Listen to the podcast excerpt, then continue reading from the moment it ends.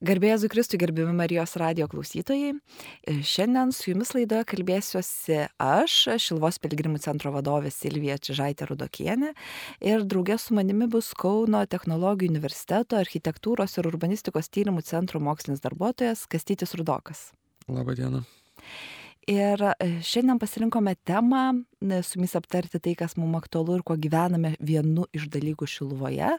Tai apie akademinis diskursą, ir apskritai apie mokslą ir kaip jisai dera su a, pačia Šiluva, šventovės koncepcija ir galbūt žinia, kuris kleidžiama pasauliui. E, taigi nuo 2021 metų Šiluvoje imtos organizuoti tarptautinės mokslinės konferencijos, kurias e, organizuoja Šilvos piligrimų centras draugė su Katalikų teologijos fakultetu Vytauto didžiojo universitete esančiu. E, pirmoji konferencija kalbėjo apie keliavimo paradigmo kaskaitą 21 amžiuje, tai ar mes būsime vartotojai ir piligrimai, natūraliai atliepdama pandemijos grėsmės, iškilusias tuo metu ir be abejo lydinčias mūsų ir toliau. O štai antrojo konferencija prie mūsų daugia prisijungia e, tarsi ir Kauno technologijos universiteto atstovas Kastytis Rudokas. Ir um, 2022 metais, birželio mėnesį, mes prabilome apie e, krikščionybę ir inovacijas. Kastyti, kaip tau atrodo dera visgi šitas krikščionybių ir inovacijų diskursas? Sveiki dar kartą. Tai iš tikrųjų manyčiau, kad labai dera, nes krikščionybė pati savaime yra tokia kaip uh, didžiulė inovacija, net jeigu žiūrėtų tuo tokiu grinai kultūriniu aspektu, reiškia, labai stipriai pakeitusi vakarų civilizacijos, vakarų civilizacijos visą raidą, miestų raidą, ekonomikos raidą, davusi tam tikrų nu, ir ekonominių, kultūrinių vaisių. Tai sakyčiau, kad čia ne tik tai, kad dera, bet čia yra vienas ir tas pats tam tikrų aspektų. Visgi 21 amžiuje turbūt kalbėti apie inovacijas yra e, vienu metu gali būti ir tam tikras iššūkis, e, kitų metų tarsi atrodyti, na, galbūt jau ir netgi e, šiek tiek banaliai. Todėl pats būdamas ir santraukos knygos sudarytojų, ir iniciatorių tarsi šitos temos, Konferencija buvo paskirstyta į tris dalis. Pirmoji buvo diskusija ir nesutarimai tarp bažnyčios praeities, dabarties ir ateities. Antroji buvo stebuklai versus mokslas, liepinys versus iškumas. Ir trečioji mąstant naujai, krikščioniškosios minties įtaka kultūrai, filosofijai ir menui. E, kodėl tarsi gimė na, šitos, šitos trys dalis ir koncepcijos? Ja, tai automatiškai, kai visą laiką, kai yra, sakykime, tas toksai, reiškia, šaukiamas pranešimai ir tada, nu, autoriai pranešėjai savaip atliepia būtent pagrindinę konferencijos temą ir jau tada jie būdami bendra autoriais, ta prasme, to viso, kaip pasakyti, atliepimo į pagrindinę temą, jie jau patys ir padiktuoja ten tris kažkokias skirtingas, tris ar daugiau, jeigu būtų daugiau dalyvių, tas potėmės vadinamas. Taigi džiugu, kad dirbama kartu, turbūt ir su pačioje, na, mokslo toje paradigmoje, mokslinėme diskurse draugė, ne tik tai su vietos mokslininkais, su VDU KTF atstovais, tačiau įtraukiamas ir užsienio laukas, tačiau žvelgiant dar plačiau. Šiluva, Šiluvo šventovė ir mokslas, kaip tu galvoji, tai gali dėrėti tarpusavyje? Tai kaip matom puikiai dera ir derės tikriausiai ateity dar stipriau. Apskritai pats mokslas ir pati dažnai inovacijos sakykim kažkokia tai a, esmė dažnai mes taip pratę esam galvot, kad tai ateina būtinai iš didžiųjų miestų, iš didžiųjų centrų ir panašiai, bet pats universitetas, jo pradžia vakarų visuomeniai, kaip žinom, yra vienolyjos, tai yra mažos vietovės, mažos, kaip pasakyti, urbanistinės vietovės, iš kurių paskui atsiranda dideli dalykai. Tai visą laiką tas mažesnis kažkoks miestelis ar dar kažkoks urbanistinis vienetas, jis visą laiką yra labai potencialus, jeigu su juo yra užsijimama, jeigu jis yra skatinamas, jeigu yra dedamos pastangos ir panašiai.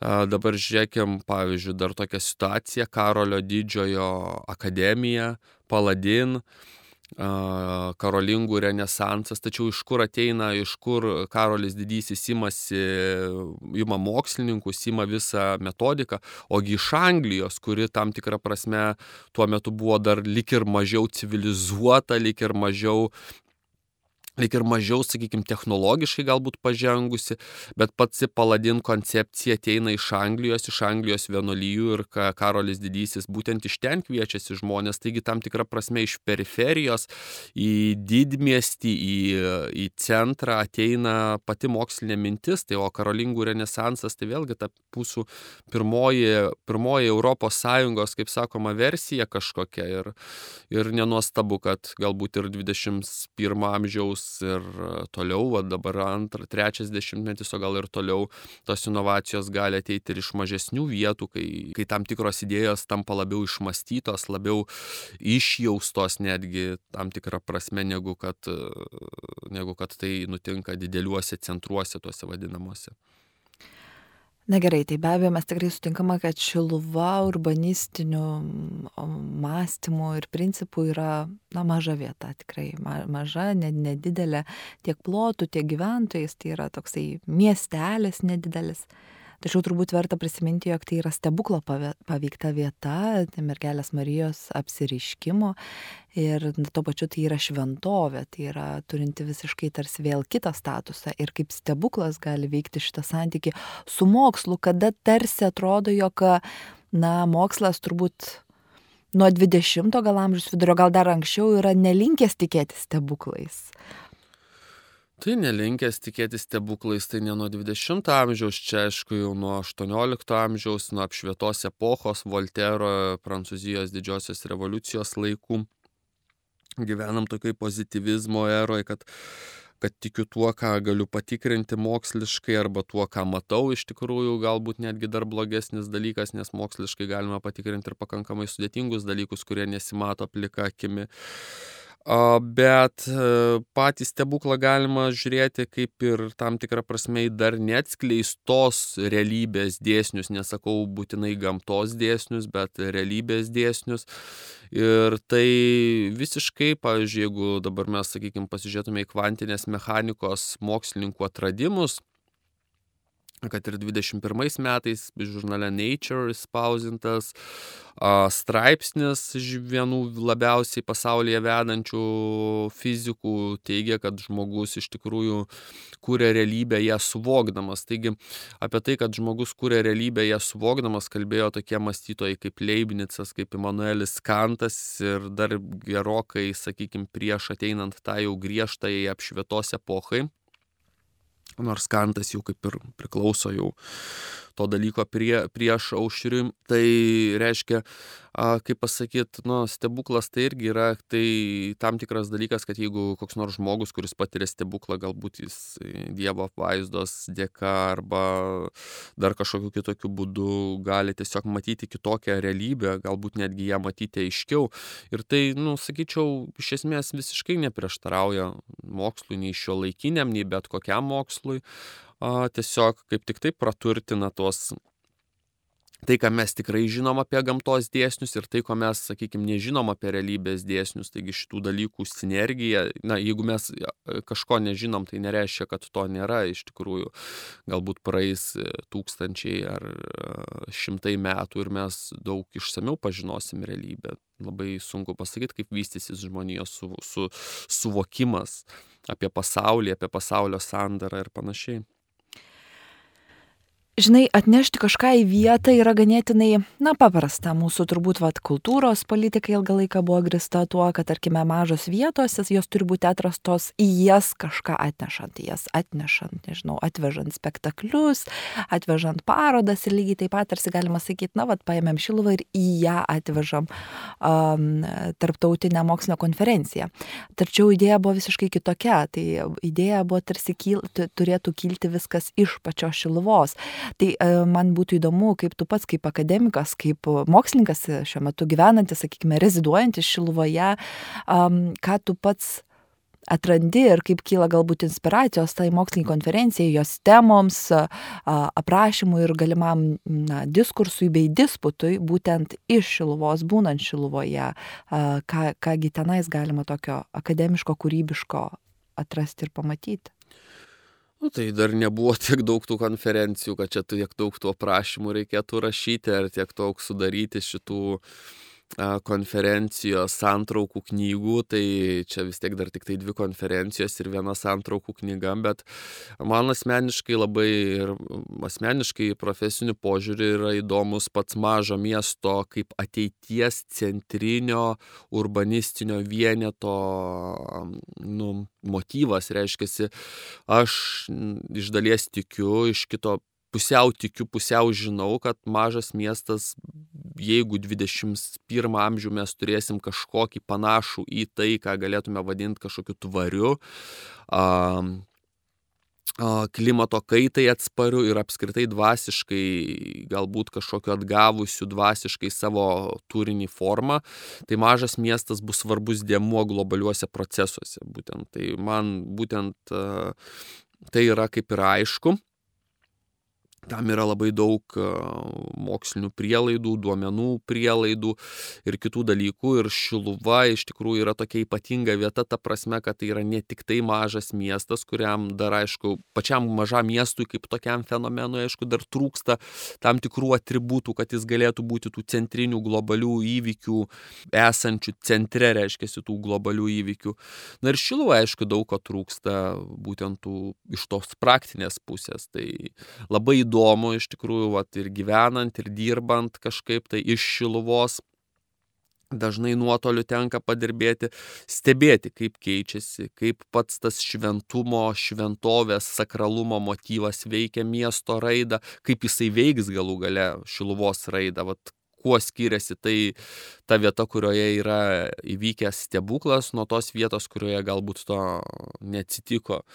Tai, sakykime, va tokie dalykai pastebėti pačios vietos veiksmus, žiūrėti, kaip tai, kokius tai turi prasmes, kokius, kokios variacijos yra globaliam kontekste.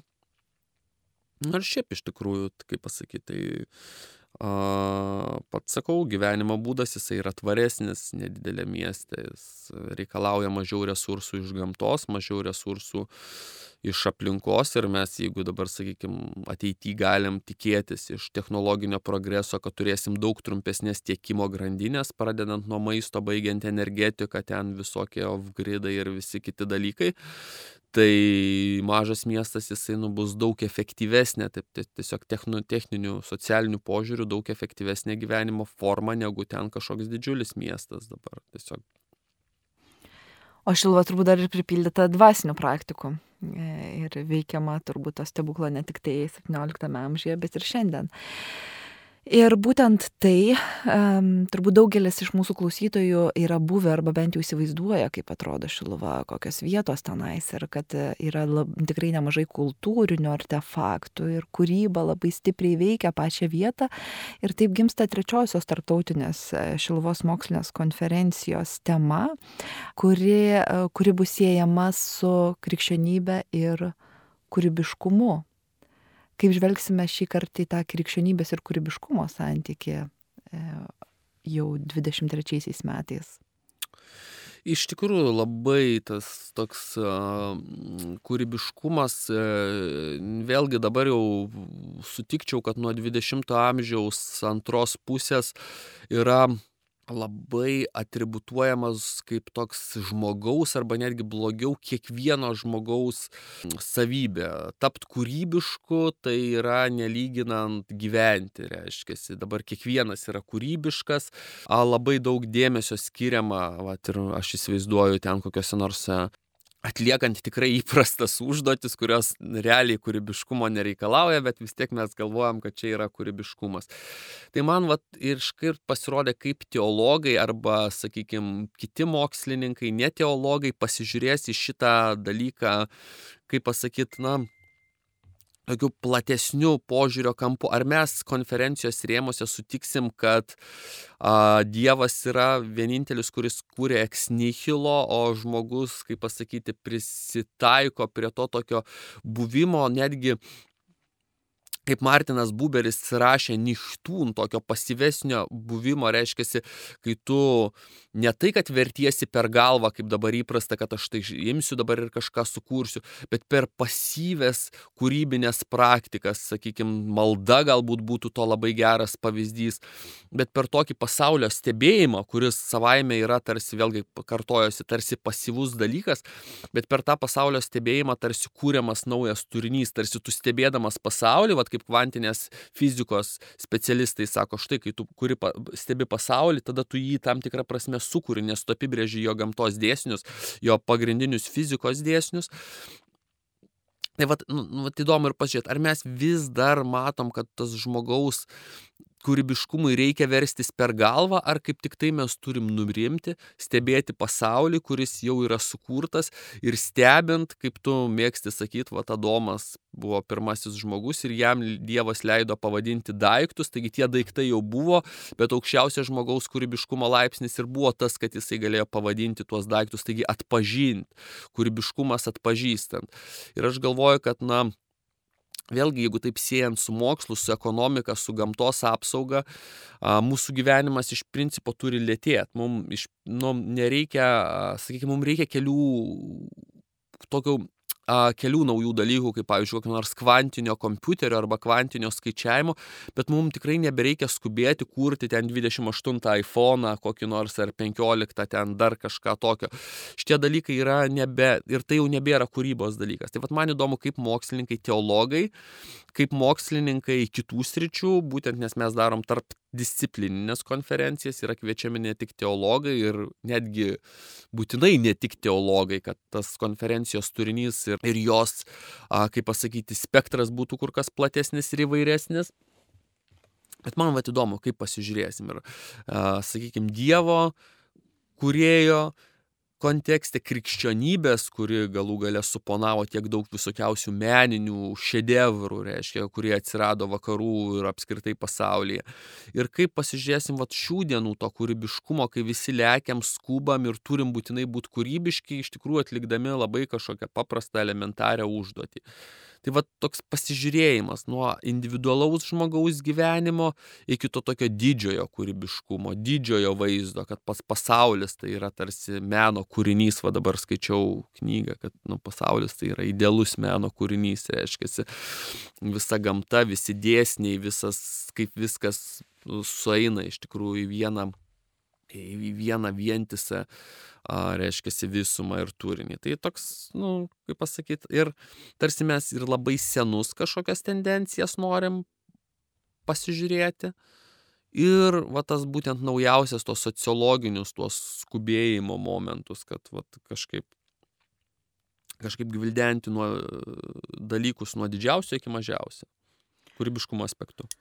Iš tikrųjų, gyvenant Šiluvoje, dirbant Šiluvoje yra labai įdomus tos momentas, jutimas, jog Šiluva yra nepavaldi tarsi um, vykstantiem, logiškiam, na, socioekonominiam dėsniam. E, nes tai yra maža vieta, mažas miestelis ir kai 18 amžiuje buvo nuspręsta statyti bažnyčią, tai Getgaudas iš karto fundavo vėlyvojo baroko tarsi kūrinį. E, jeigu kurta buvo mm, viduje skulptūros, tai irgi, kaip sakant, neįta jokius kompromisus, nestatyta kokia nors žavinga medinė žemaitiška koplytėlė, bažnytėlė. Ir kviečiamas buvo jezuitas e, Tomas Podgaiskis sukurti vientisą kompoziciją. E, jeigu statoma buvo apsiriškimo koplyčia, tai čia irgi yra toks visiškas fenomenas, išvelgtas Antano Vivulskio, tuometinio antrakursio, Prancūzijoje, Paryžioje studijuojančio potencialas ir irgi toksai kūrinys, kurio turbūt atitikmenų Lietuvoje tikrai nėra, na, Europoje aišku yra visko. Jeigu formuojama aikštė ir statomi piligrimų namai bei piligrimų centras, tai Natkevičiaus, bet tai yra vien tik tai architektūros, tarkim, ne, ar urbanistikos prieigos. Tuo pačiu Eimuntas Nekrošius pradėjo čia nais tokią teatro tradiciją, atveždamas savo geriausią metų spektaklį į Šiluvą, kuomet Šiluvoje netgi nėra ne tik teatro, bet turbūt ir kažkokios konferencijos, tokio konferencijos didesnės mm. salės. Taigi reiškia, tas kūrybiškumas jisai iš Šiluvą ateina nesivadovaudamas, na nežinau, jokiais logikos dėsniais, kurie turėtų, turėtų vyrauti ar turėtų vykti.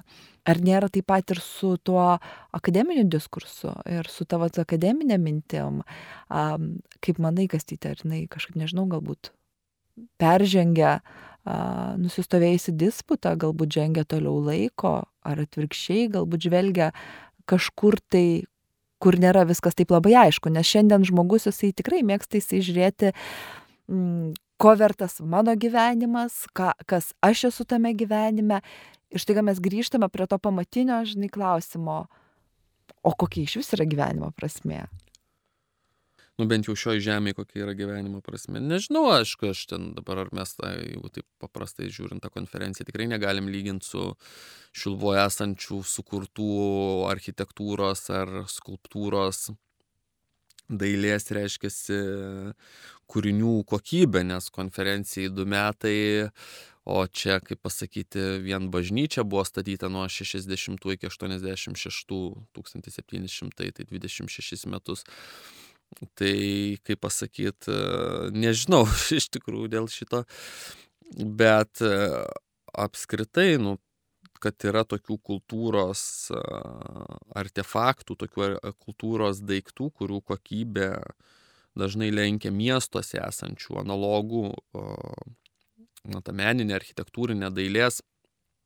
kokybė, turiu omeny, tai aišku tai preziumuoja ir sukuria prielaidas suteikia galų gale pasitikėjimo savim ir drąsos kažką daryti ir mūsų laikais.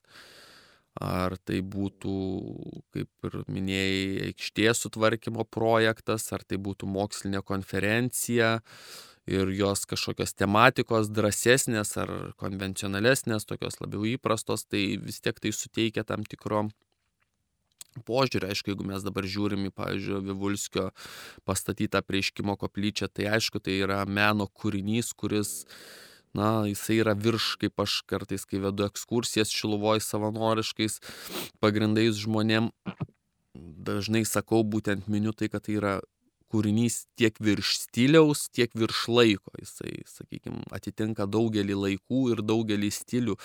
Prasme, tai kaip mokytojas Sechartas, viduramžių filosofas, yra sakęs, kad viename gerame būde reikia įžiūrėti ne to būdo, nu, būtent tą būdą, bet visus gerus būdus. Reiškia, tai yra geras daiktas, jeigu tu jame matai daug atsispindinčių daiktų. Tai jeigu jisai įjima į save prasminę prasminiu aspektu ir kitus daiktus. Tai Šiluvoj turim tokį objektą. Tai vien dėl to objekto, jeigu iš čia kažkokios kyla dalykai, aišku, pats daiktas savaime jisai nieko nereiškia, bet būtent pats užmanimas, pats tikslas sukurti tokį dalyką, tai jau jisai ir pats faktas, kad tai pavyko padaryti kažkam, be jokios abejonės, tai tiesiog tai ir yra, kaip pasakyti, nu, aš kaip sakau, kad kiekvieno gero daikto, bet kokio daikto, a, paskirtis yra ne tai, kad būti gražiu ir kad apie jį būtų kalbama, bet tam, kad jisai suponuotų aplink save, katalizuotų, suponuotų kitus gerus įvykius. Reiškia, turi kažkas vykti. Negali būti savo gražus, savo geras, savo uždaras, Tai lygiai taip ir su tuo menu, ir su tuo mokslu. Taip kad, nu, be jokios abejonės, kad būtent tie kultūriniai daiktai, kurie yra Šiluvoje, jie įpareigoja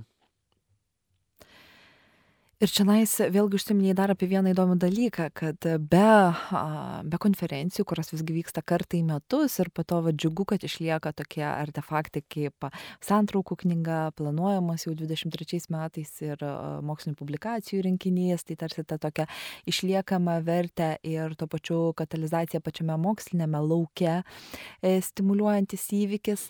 Bet vėlgi tas žvilgsnis į tokį, kad nereikia būti savipakankamu, kad nereikia užsidaryti tame, ta, ta, tik tai, va, tame akademinėme diskurse, diskurse ir, kaip pats minėjai, savanoriškais pagrindais dabar Šilvoje vedė ekskursijas. Ekskursijas, kurios nėra tikrai tik tai faktų papasakojimas, bet tampa tarsi tokiamis e, ne, ne per ilgomis paskaitomis. Ir tai reiškia, kad sutinki na, daugybę ir skirtingų e, žmonių atvykstančių į Šilvą. Ir kaip, e, kaip tasai santykis ir apskaitai žmonių žvilgsnis, ar jisai galbūt keičiasi po truputėlį, vis tiek juos matai, atvykstančius pastinki ir pateiki jam informaciją, kuri, na, sakykime, nerandama, paprastai neišgooglinsi jos internete, kaip žmonės priima, nes tarsi atrodo, kad, na, akademinis e, kalba ar akademiniai dalykai, mokslai yra ta, ta tik siauram lauko ratui. Ir staiga tu va taip pateiki ekskursijų kontekste. Nu, tai aš aišku tenais kažkokių tai mm, mokslinių labai dalykų per daug nepasakoju, vis tiek pasakoju apie tai, kas yra.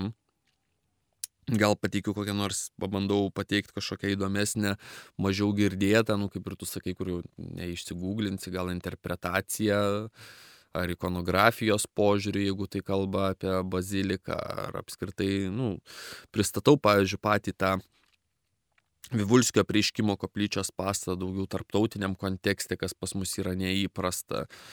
Tai, o žmonių požiūris, nežinau, aš kažkaip tai tas visą laiką atrodo jauti kažkokį grįžtamą į ryšį, ta prasme, kad a, matai, kad jau pati ta vieta iš tikrųjų yra tiek įdomi, tiek kokybiška, tiek, nu, tiek kokybiška, tiek užmanimo, tiek atlikimo prasme. Tai čia visą laiką vat, būna tasai dalykas su, su meniniais daiktais, su architektūra, kad kartais užmanimas labai geras, atlikimas prastesnis arba atvirkščiai. Tai čia viskas yra, tai jau iš to pasakojimo tiek daug jau ir nebe, nebereikia įdėti, jau tu pats žiūri, stovi, matai ir, ir tiesiog tos mintys, kaip sakoma, liejasi. Tai man labai džiugu, kad žmonės atvažiuoja, kad pamato, kad gali išsivežti kažką, kažkokią tai a, patirtį, kur tikrai dideli meistrai, reiškia, būtent skirtingų laikotarpių dideli meistrai kūrė šitą šventovę. Tai, kaip pasakyti, tai nėra, nėra tiesiog, pat, sakykime, statoma tam, kad būtų, bet dėl to, kad kažkokie vėlgi tie patys metafiziniai, stebukl, stebuklingi įvykiai čia nais vyko ir dėl to vėlgi nėra, kaip ir tu pati minėjai, daromas kažkoks kompromisas su kokybė, su išbaigtumu. Reiškia, viskas yra išbaigta. Tai tikrai kviečiu visus atvykti ar pasižiūrėti, reiškia, į tuos, kaip pasakyti, kultūrinius šiluvos artefaktus, bet aišku, vėlgi labai svarbu, kad tas jų kultūrinis dėmuo, kad jisai neužgoštų dvasinio, to, kad niekada nepamiršt, kodėl jie yra atsiradę ir kodėl jie yra tokie, nu, arti tobulumo kaip meno kūriniai. Tai va čia kaip ir aš dažnai sakau, kad pirmieji du didesni žmogaus statiniai, kurie aprašyti šventajam rašte, tai Nojaus arka ir Mozės palapinė, tai jie visų pirma ateina irgi kaip stebuklas iš Dievo, nes statytojui ar nojui ar tenais mozei Dievas duoda labai aiškias instrukcijas, koks ilgis, koks plotis, kiek galerijų, ten kokios medžiagos ir panašiai. Tai vat visą laiką, kai yra atvykstam į Šiluvą, reikia prisiminti, kad, sakykime, geras dalykas atsitinka, o nebūtinai yra sukūriamas. Jeigu dabar, sakykime, grįž prie tos konferencijos temos - krikščionybė ir kūrybiškumas. Ar geras dalykas yra pats geriausias kūrinys, jeigu taip pat meno istorijos požiūrių žiūrėtume, mes galėtume pasakyti, kad yra nebūtinai sukurtas žmogaus nuo, reiškia, nuo nulio iki paties, paties paskutinio kažkokio potėpio ar libdinio, bet jisai yra ir atsitikęs, reiškia, turi atsitikti tam tikros sąlygos, turi, reiškia, būt ką moksle galėtume pavadinti atsitiktinumu, nenumatytom aplinkybėm, o krikščioniškų požiūrių tokiu leidimu Dievui veikti irgi tame kūrinyje. Tai vad būtent labai svarbu kiekvieną gerą daiktą turint galvoje ir jį, jį stebint, kaip sakoma, matyti ir jo gilesnę priežastį visą laiką. Tai, Leidimas Dievui veikti, gražus, gražus toksai, na, pasakymas ir apmąstymas, apmąstymo vertas išsireiškimas.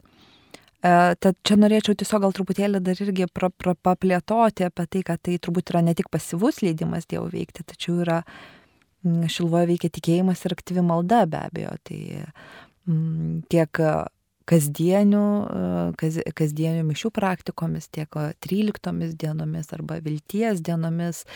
Taigi, turbūt tai yra turinys, kuris pripildo formą. Kaip manai? Ne, tai apskritai vėlgi galima taip pradėti nuo, nuo šiek tiek toliau ir, nu, be jokios abejonės, nu, šio laikinis žmogus, šio laikinis pasaulietinis žmogus, o, linkęs ten, sakykime, gerėtis ar tai menu, ar bet kokiu daiktu, net jeigu tai būtų koks nors telefonas, ar ten kompiuteris, ar automobilis, kaip daiktų. Tai iš esmės yra labai įdingas požiūris, nes tai nesuteikia mum laimės, tai reikalauja gaminti nuolatos vis kitus daiktus, kurie praranda originalumą. Pažiūrėkit, jeigu dabar, sakykime, kokie automobiliai buvo vakaruose skirtingi 7-8 dešimtmetį, ten galėjai aiškiai atskirti gamintoją, dabar jie visi suvienodėjo. Tai, bet mums vis tiek telefonai, aš atsimenu, kai buvau dar mokykloj keisdavomės tuos telefonus, tai vieno gamintojo vienokį, kito kitokį, meniu visiškai kitoks, ten reiškia kitą telefoną paimti į rankas jau įdomu, nes jis visiškai kitoks. Dabar mes turim dvi operacinės sistemas pagrindinės ir viskas ten, ar tas telefonas brangesnis ar geresnis, viskas yra tas pats, bet mums vis tiek reikia tų naujų daiktų. Tai, tai susidaro ir na mokslinio požiūriu arba ten sakykim klimato kaitos požiūriu tvarumo klausimais nu tai susidaro tokie labai ydingi dalykai. Mes patys kaip sakoma tą pasaulį teršiam tais daiktais. Ir taip yra dėl to kad mes nematom daikto priežasties ir daikto paskirties. Pats ydingiausias dalykas ir nu mes tada grįžtam atkrentam į tokią vadinamą pagonybę kai pats daiktas yra kaip, kaip dievas, kaip stabukas, reiškia, sudėvinamas. Tai čia yra nu, negerai, joks daiktas savaime neturi jokios absoliučios vertės ir jisai iš savęs negali suteikti nei laimės, nei gėrio, nei jisai turi kažkokį grožį. Tai yra, viskas yra, jeigu mes matom aukštesnę daikto paskirtį, mes matom, kad tai yra tam tikra kūrinijos visumos dalis, kad tai yra mums duotas, sakykime, kad mes galėtume siekti integralaus žmogaus vystimosi. Pasižiūrėkit, dabar mes turim internetą, mes turim kom, sakykime, tam pačiam telefone, kuriuos aš čia dabar taip negražiai atsiliepiu, turim tokį procesorių, sakykime, kurios taktinis dažnis yra, sakykime, 2,5 GHz, reiškia 2,5 GHz, niekada nesusimastom, ką mes turim rankoje.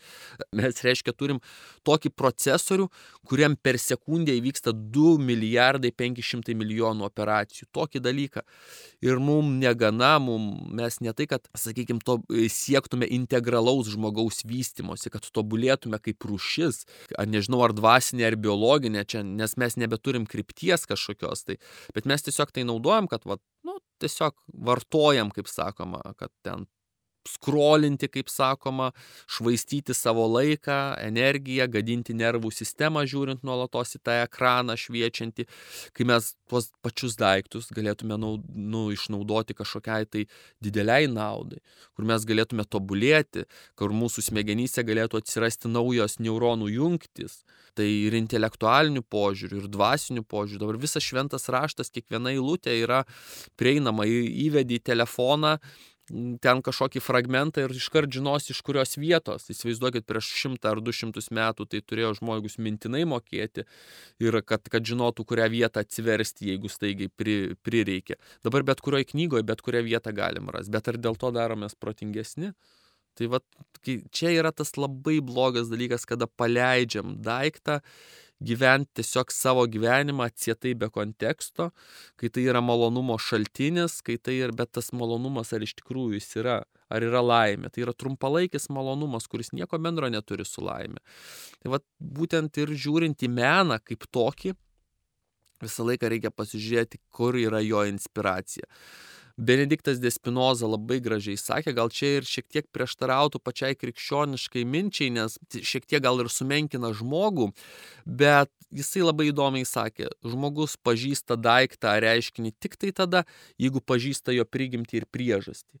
reiškiasi, nu tai ta, tarsi spinozos toj filosofijoje mes nu, niekada nežinosim daikto priežasties atsiradimo, nes jos yra tiek giliai, kažkur tiek giliai istorijoje arba net gal ir ateityje, mes nežinom, galbūt to daikto atsiradimas yra grinai teleologinis, kad tiktai dėl to, kad kažkas atsitiktų ateityje. Na, mes to nežinosim. Bet iš tikrųjų pats mąstymo principas jisai labai yra įdomus. Ir jeigu mes, va, sakykime, žiūrim į daiktą ir bandom suvokti jo atsiradimo priežastį, va tada tai yra gerai, tada tai mus lavina, tada tai mus pakilėja, ar tai link Dievo, ar tai mus tobulina, bent jau, sakykime, kaip žmonės. Jeigu mes turim daiktą ir matom ten kažkokį stabą dievuką, nesvarbu, ar tai būtų meno kūrinys ar tas pats telefonas, tai tada iš tikrųjų nieko gero. Nu, tu pamatai, dalykas, o kiek jų yra pasaulyje? Šimtai tūkstančiai milijonai ir viskas. Nu, toks. Taigi judėjimas link kažko aukštesnio, ieškojimas prasmės, neužsidarant savi pakankamame tokiam, kad, na, tarsi būtume savo pakankami, ne, neužsidarimas ir daiktų tokiam tarsi irgi buvimo pakankamu vien dėl to, kad yra, bet judėjimas kažkokiam tai platesniam kontekste, e, tai ir inspiruoja šiluva ir tai inspiruoja ne tiktai tai mokslinės konferencijos, tačiau be abejo kviečiu visus, kurie nedalyvavo pirmose dviejose, tai galite rasti tikrai e, internete informaciją tiek pirmosios konferencijos keliavimo paradigmos kaita 21 amžiuje vartotojai ar piligrimai, kaipgi skirsis, skiriasi, jau dabar skiriasi mūsų kelio, keliavimas ir, na, kaip ir prie bazilikos durų užrašyta, turbūt jeigu eisi kaip turistas šį kaip pilgrimas. 2022 m. birželį vyko antroji tarptautinė mokslo konferencija Šiluvoje krikščionybė ir inovacijos.